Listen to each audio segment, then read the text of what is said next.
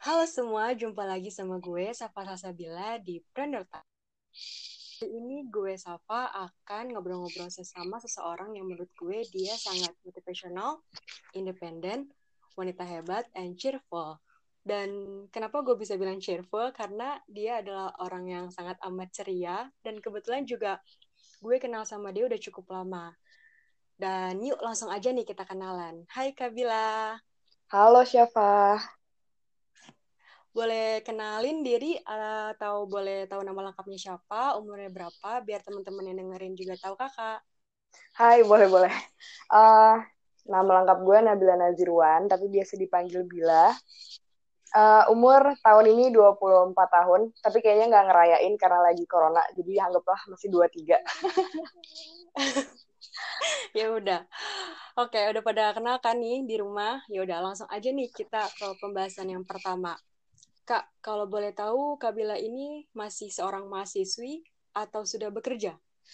Um, aku bisa dibilang dua-duanya sih. Aku masih mahasiswi, sekarang aku lagi uh, ngambil master di London School of Public Relations. Uh, aku juga udah kerja sebenarnya di salah satu startup uh, di Indonesia. Wah, apa tuh kak? Wah, boleh sebut merek nih di sini.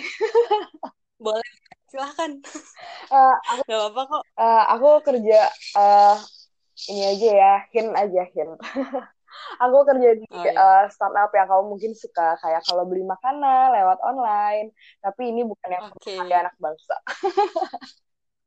oke oke oke kak uh, mau tahu nih dulu kuliah di mana dan ambil jurusan apa dan sekarang udah mau sekolah master berarti kan udah melewati perkuliahan yang lama juga. Bener-bener. Dulu aku uh, S1 ngambil marketing management di Indonesia Banking School.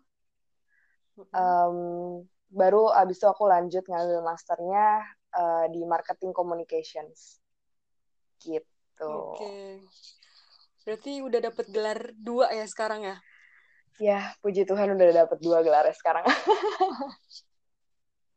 ya udah kak boleh diceritain nggak sedikit tentang pengalaman selama menjadi seorang mahasiswi dan menjalani kehidupan perkuliahan sambil kerja ya um, aku sambil kerjanya pas sudah uh, eh, S2 sih pas S1 paling sambil intern intern oh. aja kan um, yeah, yeah. mungkin aku cerita pas lagi masa-masa dulu di S1 kali ya karena kalau S2 kan cepet banget nih jadi kayak sebenarnya kurang banyak pengalaman yang didapat juga kalau misalnya di kampus tapi kalau yeah, waktu yeah, yeah. S1 itu tuh kita kayak dapat waktu lama banget kan buat kuliah, which is 4 tahun. Uh, mm -hmm, tahun. 4 tahun. Benar. Nah, 4 tahun itu tuh waktunya sayang banget kalau misalnya dihabisin cuman buat belajar di kampus. Iya, betul. Bener kan? Jadi aku dulu uh, cukup aktif juga ikut organisasi. Dulu ikut mm -hmm. himpunan, uh, abis itu ikut uh, BEM, Badan Eksekutif Mahasiswa. Mm -hmm uh, di situ banyak banget sih kegiatannya um, sama lomba-lomba sih biasanya mostly kayak ikut lomba debat atau enggak uh, ikut lomba di luar kayak sempat ikut duta uh, juga jadi uh, memperluas jaringan karena ketika kamu lulus yeah. pasti jaringan-jaringan yang udah kamu tebarkan selama masa kamu kuliah itu berguna banget sih gitu. Iya betul banget. Berarti uh, pengalaman organisasi sangat banyak ya Kak Bila ya? Uh, lumayan. lumayan lumayan kalau iya. misalnya di kampus. Aku juga tipe aku juga tipe orang yang suka organisasi loh kak. Iya aku tahu dong pasti. Kamu sekarang uh, ikut organisasi apa? Uh, kebetulan aku waktu SMA ini uh, free dulu. Nanti mungkin kalau udah kuliah aku maju lagi buat organisasi. Benar benar benar. Harus sih harus. Iya, harus menurut aku. Karena kalau udah ikut organisasi itu gak bisa keluar dari organisasi itu. Gimana tuh maksudnya? Kayak gimana ya? Aku udah nyemplung di organisasi oh, itu. Oh iya, benar. Kamu harus berenang sampai akhir. Jangan tiba-tiba di tengah-tengah. Iya, betul. Kamu tenggelam. iya jadi kalau misalkan aku nggak ikut organisasi kayak ada yang kurang gitu di hidup aku bener sih bener sih jadi kayak iya. uh, justru uh, gue juga ngerasa ini kalau misalnya gue ikut organisasi gue jadi kayak punya ibaratnya kayak tanda kutip mainan lah yang kayak gue bisa ketemu teman-teman di luar uh, perkuliahan gitu kan atau kayak yeah, misalnya yeah. masih SMA ikut osis gitu ikut osis kan juga sebenarnya banyak hal yang bisa didapatkan karena uh, bikin event yeah. um, meeting segala macam ketemu sama uh, orang yayasan atau ketemu sama uh, meeting-meeting sama guru dan lain-lain lah yang itu tuh kayak bikin kita ibaratnya lompat dari kotak-kotakan kita yang biasanya kita memang cuman uh, disuruh datang ke sekolah atau datang ke kampus buat belajar aja gitu. Iya, karena ikut organisasi juga memperbanyak relasi juga sebenarnya kayak. Ya? Bener sih, bener. Harus memperbanyak relasi. Dulu aku ingat banget zaman aku iya. kuliah, karena aku ikut organisasi, aku dapat bagian sponsorship, which is aku harus nyari dana. Jadi pas aku lagi nyari dana buat event, aku tuh muter-muter kan dari perusahaan satu ke perusahaan yang lainnya. Nah, pas aku udah lulus kuliah, aku update tuh di LinkedIn gitu kan, kayak aku udah lulus gitu. Nah, abis itu di situ hmm. aku di approach nih sama perusahaan tersebut ditawarin kayak mau nggak coba kerja di kantor gitu. Jadi itu sebenarnya membangun wow. banget sih. Iya. Good impact juga buat ke depannya kayak. Ya? Bener, nggak akan ada yang sia-sia dengan membuka relasi uh, bersama orang baru. Iya betul banget. Karena sebenernya deh sama kayak ibaratnya kayak kamu uh, kayak kamu pacaran, terus uh, kamu putus meskipun dia udah jadi mantan, tapi pasti tetap ada nilainya, tetap ada sesuatu yang mengajarkan kamu menjadi siapa diri kamu hari ini. iya bener banget, betul banget, betul banget. Gitu. Ya udah. Ya intinya organisasi itu uh, adalah hal yang penting bagi hidup buat aku dan kakak mungkin dan orang-orang lain di luar sana. Betul, benar-benar benar. Iya kak. Tadi kan kakak bilang kalau pas S2 sambil kerja juga kuliahnya. Nah, pasti dibutuhin juga dong ekstra waktu, ekstra tenaga, yang namanya manajemen waktu itu sangat dibutuhkan. Nah, gimana caranya Kak Bila buat bagi waktu? Sebenarnya kalau menurut aku cara kita bagi waktu tuh uh, depends on um, kayak work life kita juga kan. Uh, jadi setiap orang tuh punya beatnya masing-masing. Ada yang dia bisa bagi waktunya tuh pas malam-malam, ada yang dia akan bangun lebih pagi dan lain-lain. Nah kalau aku itu, uh, ini jadi balik lagi aku lagi nih. nah kalau gue itu, nggak apa-apa. nah, kalau gue uh, biasanya uh, karena kelasnya itu di weekdays, jadi di hari Senin, Selasa, Rabu gitu, misalnya tiga hari seminggu itu gue juga sebenarnya boleh milih mau weekdays atau weekend. Nah, gue adalah tipe orang yang mendingan gue capek sekalian di weekdays, jadi di weekend gue bisa tidur seharian. dibanding uh, dibanding yeah. weekend bener-bener kayak dihajar gitu dari pagi sampai malam, jadinya kayak berasanya nanti liburnya cuma satu satu kali dalam seminggu gitu kan, bener. Iya, betul. Jadi um, waktu itu sih kayak misalnya pulang kantor kan jamnya jam 6 gitu. Jadi ya udah setelah jam 6 langsung ke kampus. Kebetulan kampusnya juga nggak jauh, kuning uh, kantornya di Kuningan, kampusnya di Sudirman, jadinya cepet lah gitu setengah jam nyampe. Habis itu kelas sampai jam 9-an malam, terus pulang, biasanya lanjut kerjain yang kerjaan yang belum beres hari itu. Nah, kalau misalnya... Iya, itu 20, 24 per 7 ya, kayak gitu? Iya, 24 per 7. Sebenarnya, um, enggak, enggak, enggak 24 per 7, 24 per 5. Karena dua hari di weekend itu oh. adalah waktunya untuk ngerjain tugas dan tesis. ya ampun. Gitu. Aku juga pernah... Kenapa, kenapa? Aku kan, aku diceritain orang tua aku, orang tua aku diceritain dari ibu kakak, kalau misalkan kakak ini pernah di kamarnya di kiri itu laptop buat kuliah di kanan itu laptop buat kerja. Betul nggak kak? Bener-bener. Aku sampai beli kayak meja apa meja lipat gitu dua. Jadi sebelah kanan aku meeting iya. kerjaan sambil ngurusin kerjaan sebelah kiri aku sambil ngejar tugas. Sumpah itu keren banget sih. Itu itu bisa banget bagi waktunya kayak bisa konten kak kayak gitu sebenarnya nggak ada yang nggak bisa kalau kamu suka ngerjainnya jadi kayak aku suka dengan apa yang aku iya, lakukan iya, di kerjaan iya. aku dan aku suka dengan apa yang aku lakukan di iya. kampus aku gitu kan kayak pekerjaan uh, apa pekerjaannya iya, seru betul. dan tugas-tugas kuliahnya itu juga seru gitu kalau di LSPR kan jadi ya udah uh, melakukan hmm. dua-duanya tuh have fun gitu iya personally juga ya kak kadang aku juga buat bagi waktu itu buat reminder sendiri loh buat pribadi tentang semua aktivitas yang akan aku lakuin setiap harinya gitu. Karena buat aku bagi waktu itu hal yang menurut aku terlihat mudah tapi ternyata sulit untuk dilakukan. Karena apa? Kebiasaan orang-orang kita kan kalau ada tugas gitu loh. Kadang kadang-kadang nanti nanti nanti. Padahal yang membuat tugas itu terbengkalai sebenarnya kita gak bisa manage waktu kita Belum. gitu gak sih kak? Kalau sekarang tuh kayak gue bersyukur banget gue mendownload aplikasi-aplikasi kayak uh, TikTok gitu tuh yang kayak atau nggak gue kayak nonton nontonin YouTube yang lama-lama banget atau kayak Netflixannya gitu tuh setelah tesis gue beres gue nggak bayangin kayak kalau misalnya iya, gue punya uh, gue udah subscribe Netflix dari zaman dulu atau enggak kayak gue udah download nih aplikasi-aplikasi yang kayak seru-seru cuman buat ketawa-ketawain orang doang dari zaman dulu mungkin itu gue bakalan kayak ke distract parah gitu kan. Karena bener banget kata kamu kayak kita tuh sering banget kan uh, karena lagi ngelakuin sesuatu terus ke distract sama hal lain abis itu jadi lupa nih sebenarnya prioritas mm -hmm, yang mana betul. sih gitu kan. Iya ya makanya lebih baik hajar dulu tugas-tugas baru nanti leha-leha di akhir gitu ya benar atau nggak bisa sebenarnya bisa dijadiin kayak ini juga sih award gitu jadi kayak misalnya uh, ini nonton yeah. Netflix gitu terus ada episode-episodenya nah abis itu gue kayak oke okay, uh, eh, gue nonton nih episode satu. Pasti kalau udah nonton episode satu kayak tertantang lagi gitu kan. Kayak jiwa dan raga gue pengen lanjutin gitu. Apalagi kalau nontonnya Korea. Jadi kayak itu gue iya. kayak turn ya, off, uh, matiin dulu pas udah episode satu selesai. Terus gue melakukan pekerjaan lain. Jadi pas gue lagi ngerjain, di otak gue tuh kayak, ayo ini cepet selesai. Kalau udah selesai, kita bisa nonton episode selanjutnya.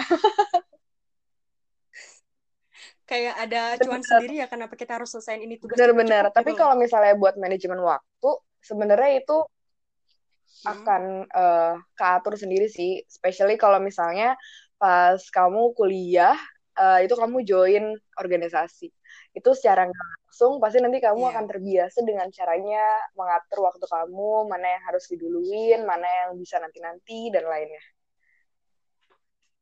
Iya. Yeah kita juga harus tahu ya kak prioritas yang pertama yang harus kita lakuin itu setiap harinya Bener. apa ya kayak jangan sampai kayak kamu punya yeah. to-do list nih ada 10 tapi 10 10-nya jadiin prioritas utama. Itu kayak bakalan susah. Jadi tetap harus kamu list down yang paling yeah. penting mana yang mau kamu lakukan hari ini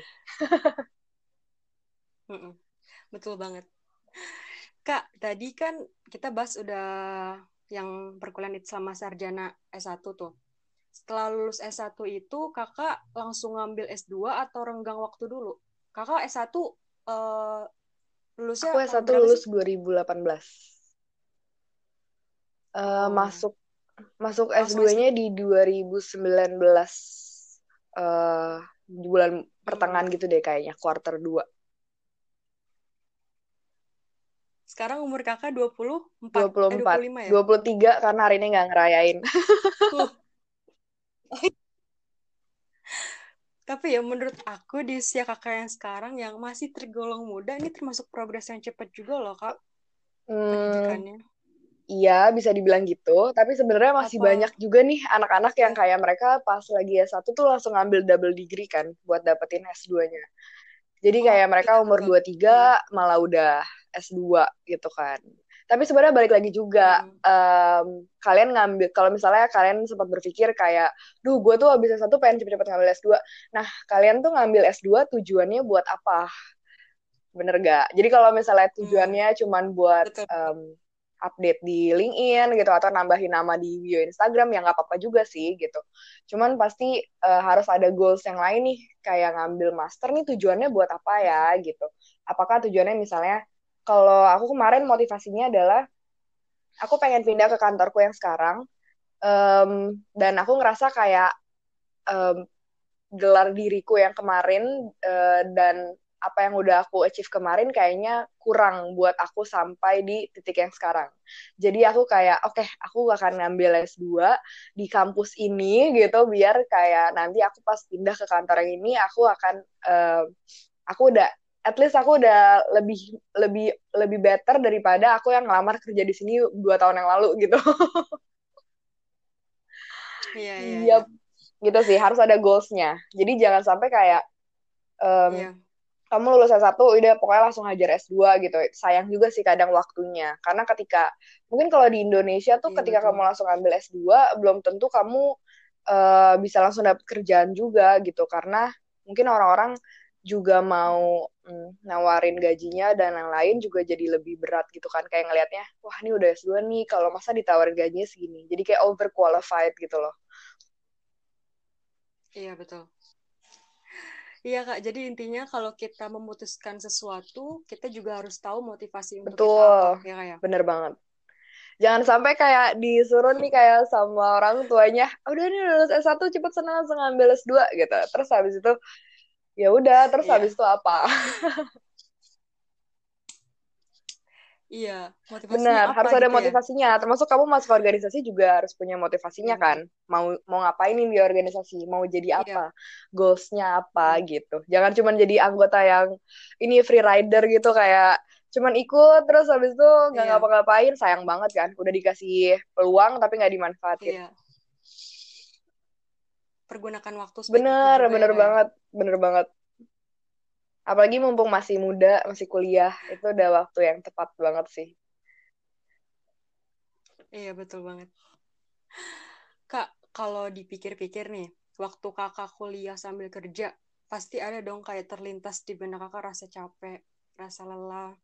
Itu gimana caranya mengatasi itu semua? Kan karena kalau kita capek terus ujungnya enggak mood itu juga akan mempengaruhi kinerja kita benar sih, benar nah itu gimana? Gue sebenarnya cara mengatasi sejujurnya gue merasakan itu setiap bulan setiap lagi. Kan kita kalau cewek-cewek suka mm -hmm. ada nih datang period gitu kan. Setiap iya, setiap lagi datang ya. period gue tuh merasa kayak astaga gue lagi kayak simulasi meninggal tau gak sih ini sekarang gitu. Nah di momen itu gue langsung kayak ngerasa kok kerjaan gue banyak banget? Kok kayaknya tugas kuliah gue banyak banget iya. gitu kan. Waktu yang hal yang bisa dilakukan adalah uh, tahu bahwa perasaan itu cuma datang sesaat karena emosi aja. Uh, mundur dikit. hmm. kalau misalnya butuh hari itu buat tidur aja ya udah tidur aja diikutin. Um, kalau jangan dipaksain, dipaksain bener. ya. atau kayak misalnya hari itu kayak aduh pengen banget deh makan ini makan itu. Ya udahlah beli aja gitu. Kayak self reward bener. mood ya.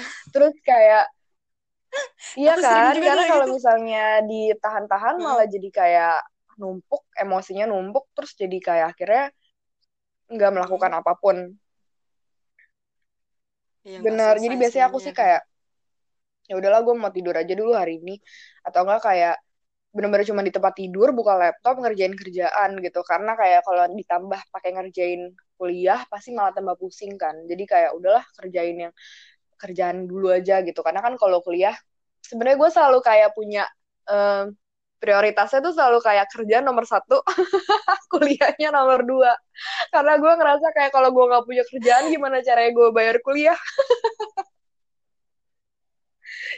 Oh, berarti bayar sendiri nih kak? Enggak fully bayar sendiri, kayak uh, tapi um, ya kayak 70 persennya lah.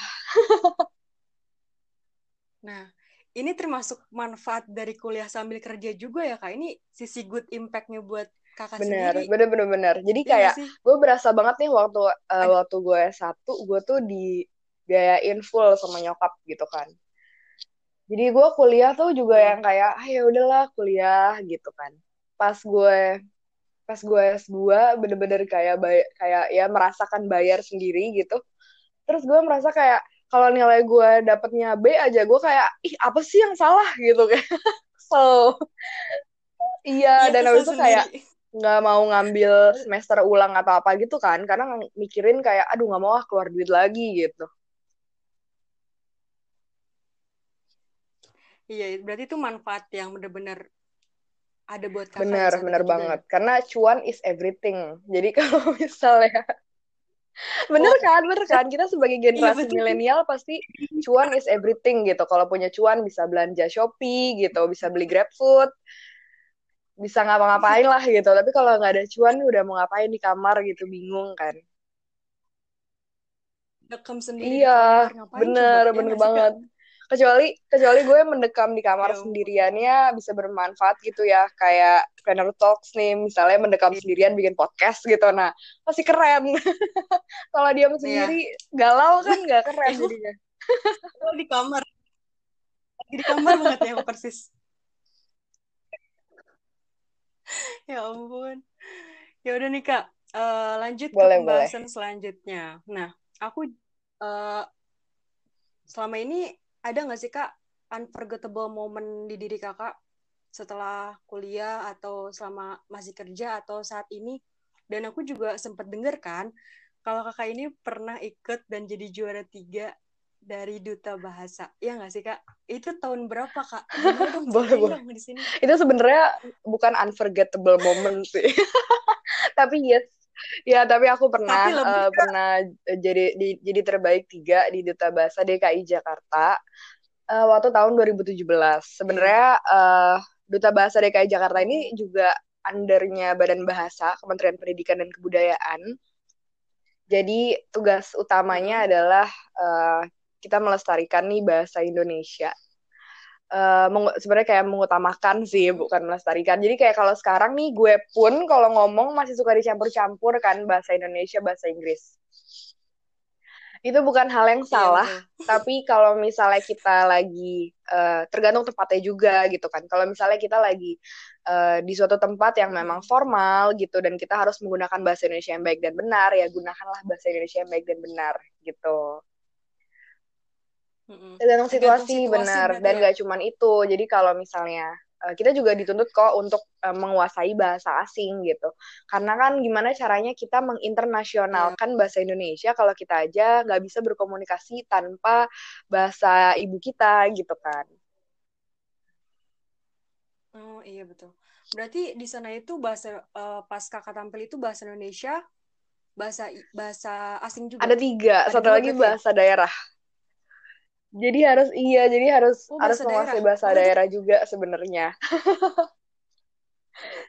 Semuanya, semuanya atau ambil daerah salah satu daerah salah aja. satu kayak aja? misalnya ya aku dari DKI Jakarta ya bahasa daerahnya Betawi gitu kan. Mungkin kalau yang keren tuh yang kayak dari Oh, eh, mungkin dia asalnya dari Sunda gitu. Jadi bisa bahasa Sunda gitu kan bahasanya beda. Kalau iya di ya. DKI Jakarta kan bahasanya gini-gini aja kayak kita ngobrol. Iya, iya. Tapi kalau orang Betawi logatnya beda iya sih kalau yang Betawi Betawi asli Iya ya mungkin sih? siapa bisa menunjukkan Iya Betawi. oh Aku bukan bukan Betawi Betawi. oh iya Aku Sunda asli Sunda asli. oke baik iya gitu Kak, kangen gak sih sama kangen gak sih gimana sama suasana di sana? Di di gedung apa tuh? Oh Di pas karantina gitu maksudnya waktu duta bahasa. Iya, Oh, ada karantina juga juga sih. Cuman karantinanya kayak pulang pergi. Hmm, sebenarnya kalau sampai sekarang eh, Oh, hubunganku masih baik juga sama teman-teman duta bahasa DKI Jakarta dan kita tuh masih ada kan kegiatannya setiap tahun. mm, Jadi kalau misalnya ini teman-teman mau ikut nih duta bahasa uh-uh. DKI Jakarta, di follow aja Instagramnya. Eh, nanti pasti dikasih tahu tuh Iya. info terbarunya ada pembukaan lagi kapan. Jadi sebenarnya kalau sekarang masih eh masih suka datang-datang kalau ada acara. Tapi kalau unforgettable moment sebenarnya em, unforgettable Apa moment kak? itu tergantung nih yang mempengaruhi hidup aku secara mentally atau mempengaruhi hidup aku secara siapa diri aku sekarang apa sih Bill? Hmm, aku ceritain deh, aku ceritain. Jadi kayak eh, boleh ya cerita ya. Iya boleh Kapan boleh. lagi nih ditanya-tanya. Jadi kalau misalnya jadi kalau misalnya eh, yang membentuk diri aku jadi kayak aku sekarang sebenarnya dulu tuh waktu zaman SMA aku ikut Mm, eh, pageant gitu namanya Remaja Ceria zaman dulu mm. masih ada nih di tahun 2013 namanya Remaja Ceria aku ikut yang di Jakarta Pusat nah di Jakarta Pusat nih dia karantinanya paling lama waktu itu kayak perasaanku sih sampai kayak berbulan-bulan ya. Aku nggak tahu kalau itu memang cuma sebulan tapi rasanya kayak berbulan-bulan. Itu benar-benar setiap hari karantinanya. Dimulai dari jam Mm-mm. 4 sore. Jam 4 sore tuh kita udah harus ada di gor. Dan selesainya itu bisa jam 2 atau jam 3 pagi mm selesai karantinanya. Ya kan? Terus habis itu belum ada tugas. Tugas bikin penelitian lah karya ilmiah. Wah macam-macam deh. Terus uh, pulang tidur jam 7 pagi udah harus ada di sekolah lagi kan kayak gitu setiap hari kalau kalau Iya kan, sumpah itu kayak aku merasa apa yang aku lakukan, kenapa aku ikut ini gitu waktu itu. Terus kayak Sabtu Minggu karantinanya lebih lama lagi. Kita udah harus ada di gor tuh dari jam 7 pagi, selesainya pagi lagi gitu. Nah, pagi, pagi bener. Pagi nah, jadinya itu ya? di situ banyak banget nih orang-orang wow. yang um, memberikan impact ke hidup aku gitu ada Kak Kiki yang kayak dia tuh benar-benar hmm. um, dulu tuh aku tomboy banget gitu lah terus habis itu aku nggak tahu nih cara ngomong yang bener gimana aku nggak aku nggak comfortable untuk public speaking um, Iya orang, nah ada Kak Kiki, hmm. ada Kak Fadlan, ada kami, Kak Aul, wah banyak nih. Jadi kayak mereka tuh benar-benar mengajarkan aku kayak gimana caranya aku untuk jadi confident, terus uh, bahkan sampai kayak cara jalan yang benar dan baik aja aku diajarin.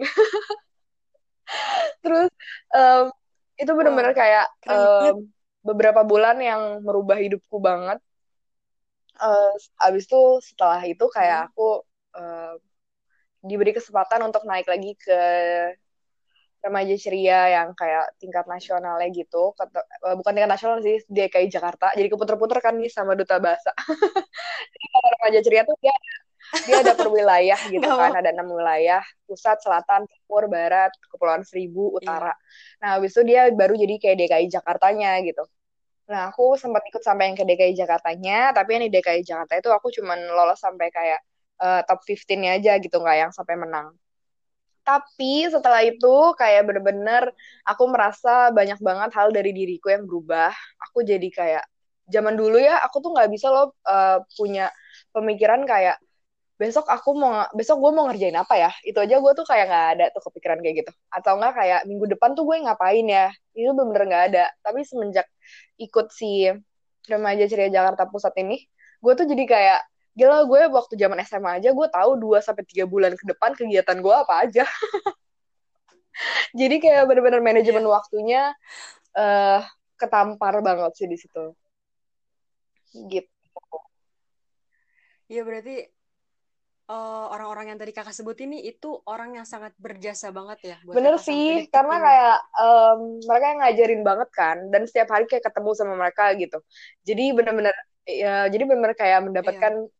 Uh, pelajaran kayak aduh gue tuh kayak anaknya learning by doing banget gitu. Jadi dengan diomelin uh, iya, atau betul. kayak kalau salah habis itu ya udah dibilang salah gitu. Itu tuh bener-bener kayak ya kayak merasa tertampar gitu dalam kehidupan. Dan gue bersyukur banget karena kalau misalnya gue nggak ketemu mereka mungkin uh, gue nggak akan jadi gue sekarang gitu. Iya. Iya iya iya tadi kan kakak ngomongin tentang public speaking yes. ya. Public speaking. Nah public speaking itu kan berarti ketika kita berbicara di depan umum atau di depan orang banyak ya kak? Itu dibutuhkan mental dibutuhkan rasa percaya diri juga yang tinggi. Nah itu untuk menembu menumbuhkan sikap sebenarnya itu, itu harus sih, dilatih sih. Karena hmm, kalau misalnya nggak dilatih itu tuh semuanya akan cuma jadi teori kayak ibaratnya misalnya dibilang, lo kalau misalnya mau nah, bisa public speaking, lo sering-sering aja ngobrol depan kaca, ngomong sendiri. Nanti kalau ketemu orang, lo anggap aja orangnya kaca. Tidak semudah itu, Ferguson. Pas udah ketemu hmm. orang, ngeblank yang ada ya kan? Iya, ya, itu variasi. Ya ampun. Itu harus latihan Ngeblank. pertama. Um, iya. Mungkin dulu tuh gue suka ikut lomba debat kan. Jadi itu tuh yang namanya lomba debat juga nggak yang kayak dalam uh, sekali pertemuan langsung menang gitu. Dulu tuh gue ikut uh, gue ikut NUDC, terus sumpah nih kalau temen gue namanya Ica ngedengerin podcast ini pasti dia tahu bahwa kita tidak mendapatkan pelatihan yang sebenarnya sebelum lomba. Jadi pas lomba kita tuh berasa kayak dicemplungin, terus ya udah lakukanlah gitu. Jadi kayak bener-bener uh, tahu uh, gimana caranya debat yang baik dan benar dan dan lain-lainnya tuh pas lagi lomba gitu bukan yang sebelumnya udah diajarin gitu jadi selanjutnya pas ikut lomba debat lagi udah tahu nih harus apa gitu kalau misalnya public speaking in term of jadi MC dan lain-lain itu juga harus berani sih. Misalnya lo kayak dalam diri lo, gue pengen banget tuh jadi MC. Ya udah pas ada acara sekolah atau ada acara kampus, bilang. Iya kak, lanjut ke pembahasan Halo. Mana ya tadi recordnya? public speaking, public speaking. Oh public speaking. Aku bahkan udah lupa tadi aku ngomong apa ya. Uh, oh ya kalau public speaking sebenarnya harus uh, dicoba sih, karena kayak kamu misalnya mau jadi MC ya udah kamu kalau acara sekolah atau acara kampus kamu minta nih sama temen kamu kamu jadi MC dong nanti di acaranya gitu atau enggak kalau misalnya takut bisa jadi mau dong nyoba jadi MC berdua boleh enggak gitu. Itu sesuatu yang harus dilatih sih. Ikut lomba-lomba itu harus banget dilatih. Atau kalau misalnya uh, kalian suka banget yang namanya uh, public speaking menggunakan bahasa Inggris itu hmm. kalian tuh bisa cari namanya Toastmasters. Itu keren banget. Gue dari dulu selalu pengen ikut jadi komunitasnya tapi belum belum ketemu nih waktunya itu seru banget karena mereka penuh dengan positivity banget dan um, kalian benar-benar akan dilatih gimana caranya kalian bisa percaya diri untuk ngomong di depan jadi banyak kok caranya untuk kalian bisa uh, confident intinya adalah kalian harus terjun langsung tuh ke lapangannya. Kalian harus cari nih komunitasnya. Banyak pasti yang ngajarin. Iya, dan intinya juga harus terbiasa ya, Kak. Bener, harus terbiasa. Gue pun dulu awal-awal kayak public speaking zong banget sih. Gue melihat diri gue zong banget. Kayak kalau misalnya, kayak dulu nih suka ada Q&A gitu, dikasih pertanyaan, terus kita harus jawab. Gue bener-bener buruk dengan public speaking, jadi gue kayak nggak bisa jawab. Atau kadang gue langsung ngeblank, terus nggak, abis itu pucet gitu kan, gemeteran. itu kadang hal yang normal. Iya, kadang rasa nervous kita tuh yang bisa yang bisa bikin ngeblank semuanya nggak sih kak? Karena Bener. aku juga gitu. Bener banget. Gue pun sampai sekarang kalau harus ngomong di depan masih yang kayak deg-degan. Jangankan iya, ngomong betul. kita mau presentasi aja lewat Zoom aja masih suka deg-degan gitu kan. Iya, Cuman itu hal yang wajar. Hal yang wajar, bener. Karena kalau misalnya nggak deg-degan, gue ngerasa kayak nanti malah nggak ada yang seru gitu justru kita membutuhkan adrenalin itu kan itu yang kita suka sebenarnya tapi kalau udah dilakuin rasanya plong banget ya nggak sih kak bener kalau udah dilakuin dan kita puas pasti rasanya plong banget tapi kalau misalnya gue sering banget tuh abis ngelakuin terus kayak dulu kok kayaknya nggak puas ya gitu jadi malah yeah. ya udah nanti nextnya do better gitu iya yeah, bener banget oh iya kak Kan kemarin kita juga sempat ngobrol-ngobrol nih, kalau Kabila ini adalah founder dari Sahabat Merakit. Betul nggak, Kak? Betul, betul.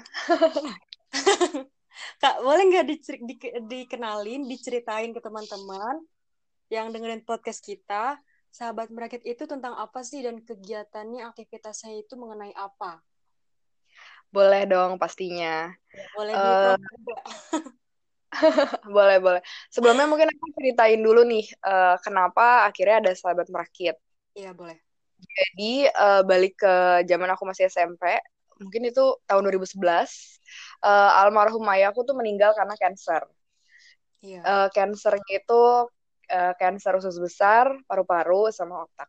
Waktu itu kayak dari jangka waktu dia ketahuan kena cancer sampai kemudian dia um, pulang ke rumah Tuhan itu tuh kayak jangka waktunya cepet banget kurang lebih kayak cuma tiga bulan nah yeah, yeah. setelah itu uh, gue ngerasa kayak duh kayak dalam jangka waktu tiga bulan itu itu tuh gue inget banget itu momen-momen lagi UN dan uh, lagi ngejar buat masuk uh, eh, SMA negeri gitu loh. Jadi banyak tes tes jadi lagi fokus dengan diri sendiri lah gitu.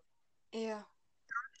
Um, waktu itu pun gue juga belum di titik yang sadar bahwa uh, orang yang kena cancer itu harus dapat treatment yang berbeda gitu kan. Jadi gue menganggap kayak ya udah lo bokap gue gitu. Jadi nggak um, ada kayak dari diri gue yang mungkin saat itu uh, ngebaik-baikin atau kayak ngurusin atau ting apa nginep di rumah sakit lebih lama gitu tuh kayak nggak ada. Mungkin gue waktu itu masih egois banget gitu kan. Iya jadi pas uh, jadi pas kayak momen uh, beliau berpulang nih gue kayak bener-bener terpukul gitu kan nah terus hmm. nyokap gue tuh sering banget ngajak ke uh, rumah namanya rumah kita itu dari yayasan kanker uh, yayasan kasih anak kanker Indonesia. Hmm, itu di daerah mana pak negara. Kenapa? Di mana? Di daerah mana? Di daerah percetakan negara. Oh iya iya iya. Tuh, di dekat penjara Salemba di situ tuh. Ada namanya rumah kita. Nah, zaman dulu tuh rumah kita ini anak-anaknya masih dikit banget, kayak uh, paling 10 lah ya. Ada 10 anak kanker yang dirawat di situ. Uh, jadi kayak mereka diberikan rumah singgah, pengobatannya tetap di RSCM atau di rumah sakit lain, tapi mereka tuh sekeluarga tinggal di situ. Jadi mereka tuh kadang datang dari wilayah di Indonesia gitu. Jadi enggak hmm, dari Jakarta aja ya sebenarnya ya. Jadi dari mana gitu kan. Iya. Nah, itu kayak pas datang ke sana, gue tuh kayak merasa um, wah ini nih yang harusnya dulu gue lakukan ke bokap gue gitu. Kayaknya gue bisa melakukan di sini gitu. Tapi kan dulu masih kecil lah ibaratnya. Kayak gue ngerasa gue tuh gue tuh sebenarnya sampai sekarang masih ngerasa gue bukan siapa-siapa sih. Karena gue ngeliat kayak gila banyak banget nih orang keren di dunia ini dan gue hanyalah sebutir debu gitu. Nah tapi waktu itu lebih parah lagi gitu kan. Kayak nggak apa namanya masih kecil nggak punya duit sendiri gitu. Jadi cuma ikut ke sana kalau nyokap lagi uh, ngasih sumbangan gitu ngasih sembako ketemulah sama uh, ada anak kecil gitu sih jadi kayak sebutlah namanya Angel gitu ya jadi si yeah. anak ini tuh bener-bener kayak pertama kali uh, gue datang dia tuh masih kayak rambutnya masih banyak terus masih bisa ngeliat gitu lah masih masih kayak yeah. anak kecil lagi lucu gitu kayak bisa diajak main gambar-gambar mewarnai dan lain-lain Terus seiring berjalannya waktu, berapa bulan lagi datang, itu rambutnya udah botak gitu kan, karena dia kemoterapi. Mm-hmm. Terus datang lagi, itu tuh kayak uh, dia karena kanker di mata, jadi matanya udah dioperasi satu, jadi udah tinggal sebelahnya doang. Mm-hmm. Sampai kayak momen datang sana, dia udah nggak bisa ngeliat lagi, tapi nggak ada dari dirinya yang berubah dari pertama kali ketemu. Jadi dia tetap kayak happy gitu kan, tetap ngajak main dan lain. Mm-mm, jadi kayak tetap seru-seruan gitu. Nah terus abis itu gue kayak uh, apa namanya sempat datang lagi setelah sempat kayak nggak datang berapa bulan pas datang lagi dia dia udah berpulang nih ke rumah Tuhan gitu. Jadi gue udah gak ketemu lagi sama anak ini gitu kan. Nah di momen itu tuh gue ngerasa kayak ya ampun gue tuh datang ke sini gue mencari cahaya untuk uh, menerangi hidup gue gitu kan. Tapi siapa yang sangka kali aja justru gue cahayanya buat dia. Makanya dia happy banget setiap gue datang gitu kan.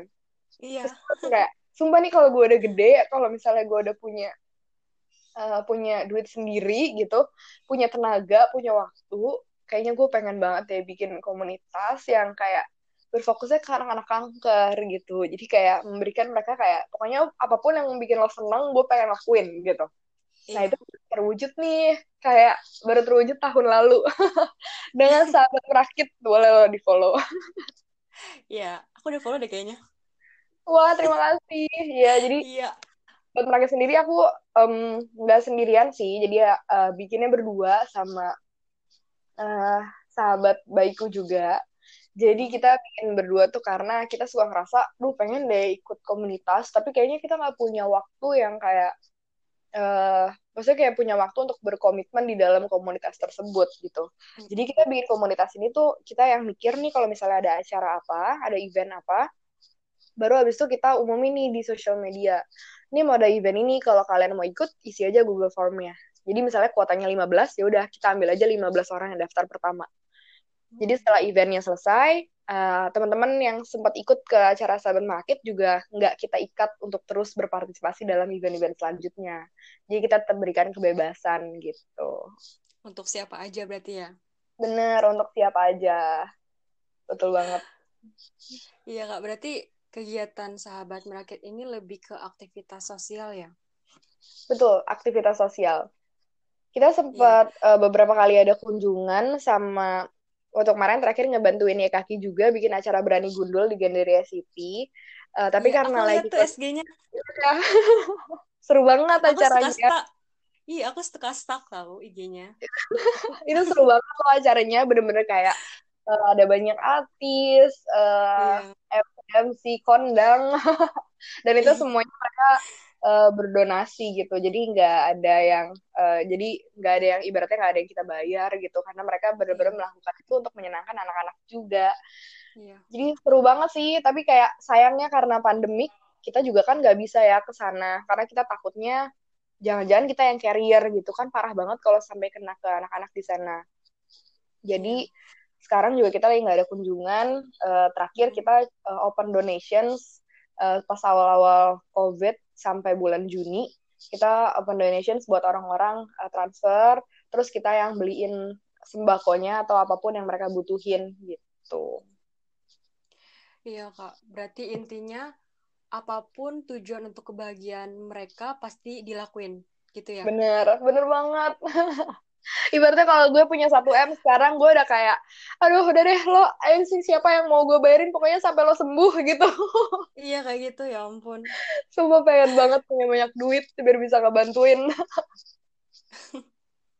Iya kak.